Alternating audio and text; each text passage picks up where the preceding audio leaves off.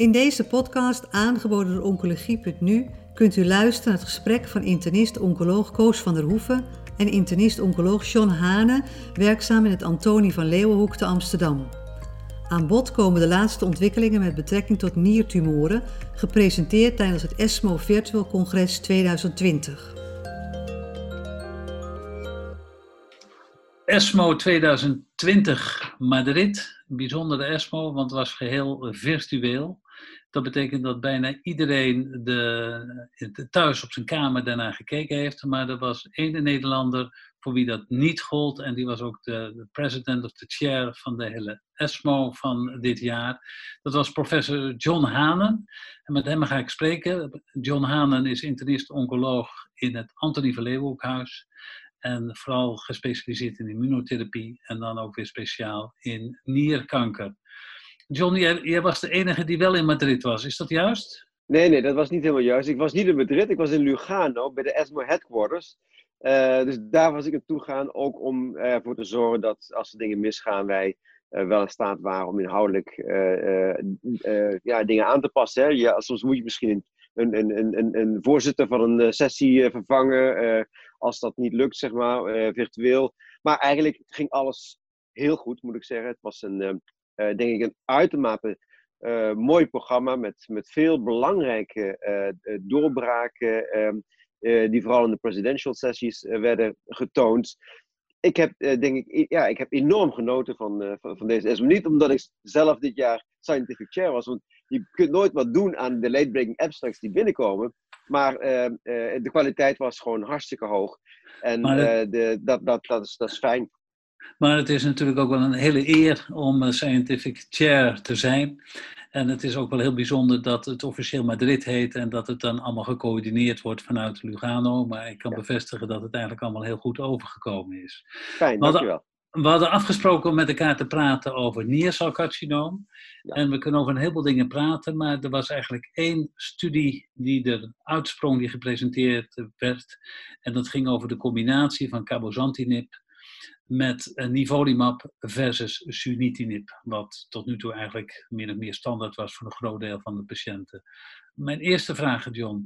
Ehm, de cabozantinib, wat voor indicatie heeft dat officieel op dit moment? Uh, cabozantinib kan worden gegeven zowel in de eerste lijn als in de tweede lijn, ook in Nederland, uh, na falen van een TKI. In de tweede lijn, in de eerste lijn bij patiënten met een intermediate poor risk ziekte, gebaseerd op de Cabo-Sun-studie.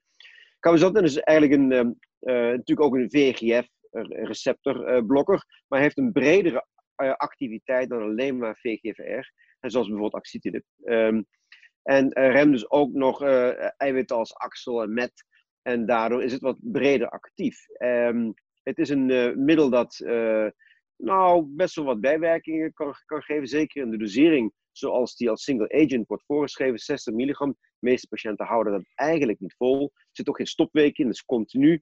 Um, uh, en geeft ja, vergelijkbare bijwerkingen als je ook ziet voor uh, middelen als bijvoorbeeld sunitinib. Diarreeklachten is natuurlijk vaak een probleem. Handvoetklachten, stem, vermoeidheidsklachten. Ook wat, uh, wat problemen soms met leverfunctiewaarden. dus het, is zeker niet een, een middel wat altijd even heel gemakkelijk gegeven kan eh, worden, maar het is wel zeer actief. Oké, dan gaan we naar de, de studie, want het is gecombineerd met nivolumab en werd dan afgezet tegen sunitinib. Ja. Uh, hoe zag die studie er precies uit en wat waren de resultaten ervan? Nou, de studie zag er als volgt uh, uit. Patiënten met een heldercellig uh, niercelcarcinoom, behoren tot de, intermediate, sorry, tot de favorable intermediate of poor risk groep, is eigenlijk alle groepen. Alles. Uh, mochten, en die gemetastaseerd waren, of niet meer voor een chirurgie in aanmerking kwamen, die mochten in deze studie. Ehm, de studie zorgde dat patiënten één op één werden gerandomiseerd tussen het nivolumab plus cabozantinib, waarbij cabozantinib is geschreven in een dosering van 40 milligram, dus niet de 60 milligram, maar bij de lage dosering. Ja. En de nivolumab gegeven werd in een um, dosering van 240 milligram elke twee weken. In vergelijking met de sunitinib die gegeven werd in een dosering van 50 milligram in het schema vier weken op, twee weken af, wat eigenlijk standaard is voor, voor sunitinib-behandeling. de studie was gebouwd om in ieder geval een progressievrij overlevingsverschil. En ook als dat er was, eventueel ook nog een, over, een overall survival overle overlevingsverschil te laten zien. En de studie was duidelijk positief. Eerste, volgens mij was de median follow-up duur 18 maanden.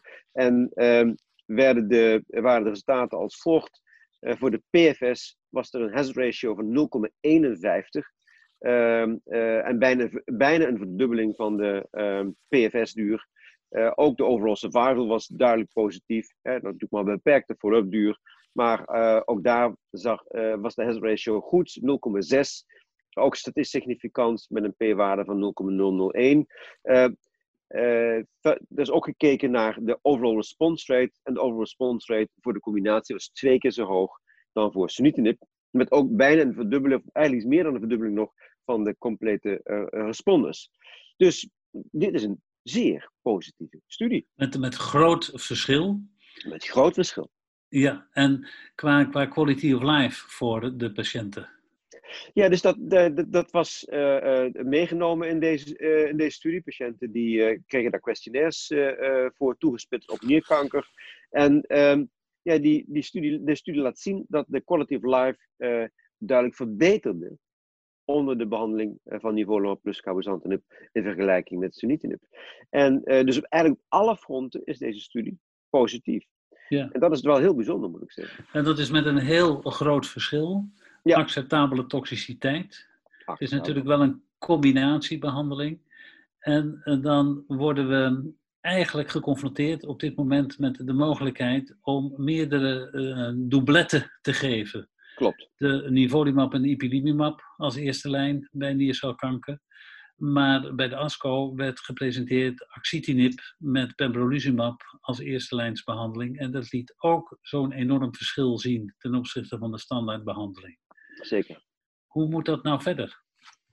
Nou, dat is best lastig, hè? want uh, het is, enerzijds is het natuurlijk heel fijn dat er wat te kiezen is. Uh, en dat die be behandelingen zoveel beter zijn dan de oude standaard. Ik denk dat dat, dat al uh, uh, heel fijn is om, om te zien voor de, voor, uh, voor de patiënt. En zeker als de behandeling ook een keer goed wordt verdragen. Vergeet niet, in de cabo uh, zantinib plus nivolumab uh, behandelde patiënten waren maar, zoals was maar 3% die uiteindelijk beide middelen moest stoppen vanwege toxiciteit. Dus dat is eigenlijk een relatief laag ja. percentage.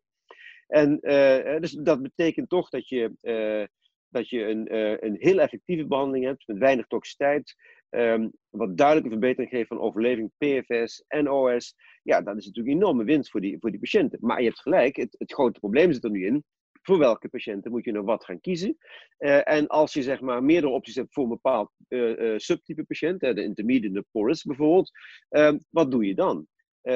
kies je inderdaad dan voor ipilimumab plus nivolumab, omdat je daar langere follow-up data voor hebt, of kies je toch bij voorkeur voor een combinatie TKI met, met een eh, anti-PD1-antilichaam, eh, dat is best, best complex. En je kunt je voorstellen dat patiënten die uh, erg symptomatisch zijn, die een snelle respons nodig hebben, zoals vaak is bij patiënten met bijvoorbeeld botmetastase, patiënten die echt heel veel uh, uh, gewichtsverlies uh, hebben en enorme malaise hebben, dat je juist in die situatie kiest voor zo'n combinatie. Omdat je snelle respons hebt, een diepe respons hebt, en dat kan dus echt een voordeel zijn om dan voor zo'n behandeling te kiezen. Terwijl als je misschien wat meer tijd hebt, patiënten wat uh, minder agressieve ziekte hebben, of juist zeg maar, heel erg duidelijk sarcomatoïd subtype hebben, dat je dan wel weer kiest voor de ipilimumab plus nivolumab behandeling, omdat daar heel duidelijk van is aangetoond dat die behandeling echt ook heel effectief kan zijn en ook langdurig e-, effectief kan, kan zijn. Want vergeet niet, de, de survival data voor zowel de, de Keynote 426, natuurlijk wat langer dan voor deze studie, als voor de uh, Checkmate 9ER-studie, die op uh, ESMO werd gepresenteerd, is er maar relatief kort. Hè. We hebben wat langere follow-up duur nodig om echt heel goed te kunnen zien wat op de lange termijn nou de beste behandeling. En, uh, dus dat, dat wordt wat spannend, denk ik. In de discussie werd ook nog geopperd voor die patiënten bij wie je zegt van dan moeten we snel behandelen, waarbij je een TKI aan de behandeling wil toevoegen dat het ook nog een optie zou kunnen zijn om, als het dan goed gaat, op een gegeven moment de TKI te stoppen en alleen met immunotherapie door te gaan. Daar zijn natuurlijk geen studies naar gedaan, maar... Nee, Nee, ik denk dat, dat, dat inderdaad de discussies uh, uh, zei dat volgens mij ook een antwoord op vragen die gesteld werden. Je kunt je voorstellen dat als je 8% van de patiënten een complete remissie krijgt, en waarschijnlijk een groter percentage misschien wel een neer complete remissie krijgt, dat je zegt van nou, we, we, stoppen de behandeling. misschien wel inderdaad in eerste instantie met alleen de TKI. of misschien een bepaald moment wel na twee jaar behandeling met nivolumab voor beide. En je gaat dan vervolgens afwachten en kijken wat er, uh, wat er gebeurt. Uh, patiënten zijn op dat moment niet resistent. Uh, en zullen toch enige verbetering in kwaliteit van leven hebben als je die behandeling stopt. Hè? Ook al was het verschil uh, met sunitinib wel groot. Uiteindelijk zie je toch dat mensen wel last hebben van die behandeling. En ehm, dat zou natuurlijk zeker een optie kunnen zijn. Weten we niet, moeten we gewoon gaan testen. maar ehm, dat kun je eigenlijk alleen maar doen, denk ik, als je echt een hele diepe respons hebt. En dan is deze combinatie wel interessant, omdat het percentage complete responders uh, hoog was. Dat was overigens ook zo voor de ipilimumab plus nivolumab behandeling. Het was ook meer dan 10% uiteindelijk die een uh, complete remissie uh, krijgen. Dus ja, ik denk dat dat zijn wel overwegingen die je mee moet nemen in um, de keuze voor een, voor een behandeling. Is het op dit moment in Nederland zo dat de nivolumab met ipilimumab, die kan gegeven worden, de combinatie aan patiënten met een gemetastaseerd niercelcarcinoom, daar is ook vergoeding voor. Ja. Geldt dat voor die andere twee combinaties ook? Nee, dat geldt alleen voor de combinatie pembrolizumab plus axitinib. De combinatie avelumab plus axitinib is in Nederland niet, uh, wordt in Nederland niet vergoed. En deze combinatie, ja, daar moeten we van afwachten wat, uh, wanneer die de data naar EMA en het FDA gaan. Maar het zou me zeer verbazen als die uiteindelijk niet uh, ook in Nederland beschikbaar gaan komen. Oké. Als we dan nog even verder praten. Je zegt, we weten het niet precies. Je kan een klein beetje speculeren wat je het best aan een patiënt kan geven. Zijn er nou ook nog bepaalde biomarkers die je kan gebruiken om in te zetten om een stratificatie te maken welke behandeling voor welke patiënt het beste is? Nou, er was natuurlijk wel al enigszins gekeken naar een aantal ja, vage biomarkers. Hè. Je hebt natuurlijk al de, de INDC-criteria, die zou je eigenlijk ook kunnen beschouwen als een vorm van biomarker. Maar ja, daar word je niet zo heel veel wijzer van. Hetzelfde geldt voor PDL1-expressie uh, uh, ook niet, want beide groepen deden het uh, goed op deze behandeling. Dus dat zijn niet de, de biomarkers waar je op dit moment selectie door kunt, kunt maken. Dus ja, dat betekent toch dat je veel complexere biomarkers moet gaan gebruiken. Die zijn op dit moment nog niet rijp voor dagelijks gebruik. Maar er waren wel een aantal interessante biomarkerstudies op deze ESMO. Uh, ik vond zelf een hele aantrekkelijke studie, uh, de Bionic-studie. Uh, dat was een, prof, eigenlijk een prospectieve biomarkerstudie. wat mensen gedaan hadden op basis van. Ehm, ze hadden zeg maar op, op, basis van verschillende overlevingen, allemaal uit het TKI-tijdperk, gekeken naar de ehm, verschillen in um, genexpressieprofielen. En dan hadden ze eigenlijk vier genexpressieprofielen, konden ze daaruit destilleren. En dan, dat was geassocieerd met een verschil in overleving.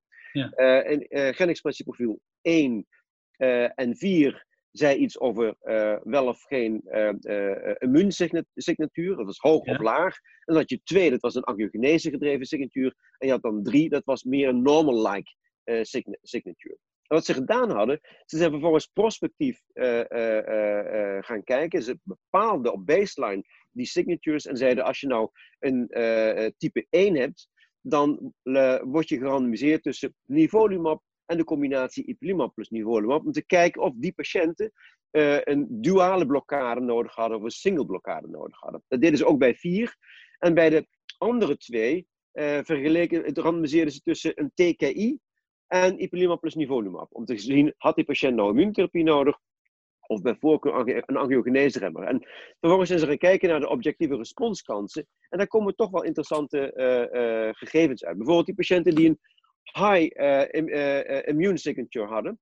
daar leek het op dat de responskans op nivolumab alleen net zo hoog was als de responskans op ipilimumab plus nivolumab. Met andere woorden, deze patiënten hadden eigenlijk geen duale blokkade nodig. Terwijl het bij die lage immuunscore uh, wel degelijk een voordeel, voordeel was om um, uh, ipilimumab plus nivolumab te, te, geven. Dus op die manier kun je prospectief toch eigenlijk steeds meer gaan doen. En ik denk dat we juist dit soort studies nodig hebben. Wellicht niet met, met gene signatures, misschien kan het ook wel met immuunhistogramie uh, straks, om uh, om verder te komen. En ik, ik, denk dat daar heel veel behoefte aan, uh, aan, is, maar dit was een heel fraai voorbeeld van ja. van, van, van biomarkeronderzoek. Maar moet er nog doorgaan om in de praktijk te kunnen toepassen. Zeker, zeker. Verwacht je nou de komende twee jaar nog heel veel doorbraak op het gebied van niercelcarcinoom? Want er is de afgelopen jaren wel heel veel gebeurd. Nou ja, daar komt natuurlijk nog één belangrijke studie uh, aan. Dat is de CLEAR-studie. Uh, dat is een studie waarbij patiënten wo uh, worden gerandomiseerd tussen um, de combinatie van lenvatinib plus pembrolizumab, sunitinib en ik dacht ook lenvatinib plus everolimus. dat is een heel interessante studie, denk ik, omdat ehm, je dan opnieuw is de, de controlearm dat, dat maakt het wel heel mooi zeg maar, om alle studies toch een beetje met elkaar te kunnen vergelijken. Dat is belangrijk. Uh, maar opnieuw wordt er dan een, een, nieuw TKI gecombineerd met een checkpoint uh, remmer. En we weten van die nieuwere TKI's dat ze heel breed inzetbaar zijn. De combinatie lenvatinib plus pembrolizumab is overigens bij een heel groot aantal tumortypen actief. Dus ik denk sowieso een interessante combinatie. Maar er wordt, er zit ook nog een arm bij waarbij je alleen maar die uh, TKI met een mTOR-remmer gaat geven. En dus wellicht zitten er subgroepen bij die baten we van toch nog een, een derde mogelijkheid die we natuurlijk nu helemaal niet, niet kennen. Dus ik ben heel benieuwd naar de data van de kleerstudie. Uh, en ik hoop dat die volgend jaar zullen worden gepresenteerd. Daarna is het eventjes stil, maar er is nog een andere studie, is de Cosmic 313. De Cosmic 313 is eigenlijk de triplet, waarbij uh, cabozantinib, 40 milligram, wordt gecombineerd met ipilimumab plus nivolumab en vergeleken wordt met ipilimumab plus nivolumab. En dat is dus ook een interessante studie, want dan, dan ga je dus zien zeg maar, of het toevoegen van ipilimumab aan die combinatie nog iets toevoegt, uh, uh, het zij responskans, toxiciteit of uiteindelijk zeg maar, in de overall survival. Dus ja, er is nog van alles gaande en we zijn er nog niet. Spannend. Is er nog een groep patiënten bij wie je kan zeggen: We hebben nu wel gevonden dat je uitzending van nierkanker, maar laten we nog maar een halfjaartje wachten? Absoluut. Er is nog steeds een groep bij die zo'n trage uh, ziekteprogressie heeft, dat, uh, dat wij nog steeds uh, een wait and see, hè, dus watchful waiting, zoals ze het dan eigenlijk noemen, uh, hanteren. En soms kun je daarmee behandelingen wel één of twee jaar uitstellen. Dat zou heel fijn zijn. Ja, dus de, de, beschikbaarheid van deze middelen, dat is heel mooi. Maar er is een categorie patiënten bij wie je ook eventjes af kan wachten. Ja, absoluut. John, ik vond het een heel mooi overzicht van uh, wat er gebeurt op het gebied van niercelcarcinoom. Er is nog heel veel ontwikkelingen en ik hoop dat we je daar in de toekomst nog een keer over mogen spreken. Dankjewel voor dit moment. Dankjewel. Graag gedaan. Dag. Bent u geïnteresseerd in meer podcasts?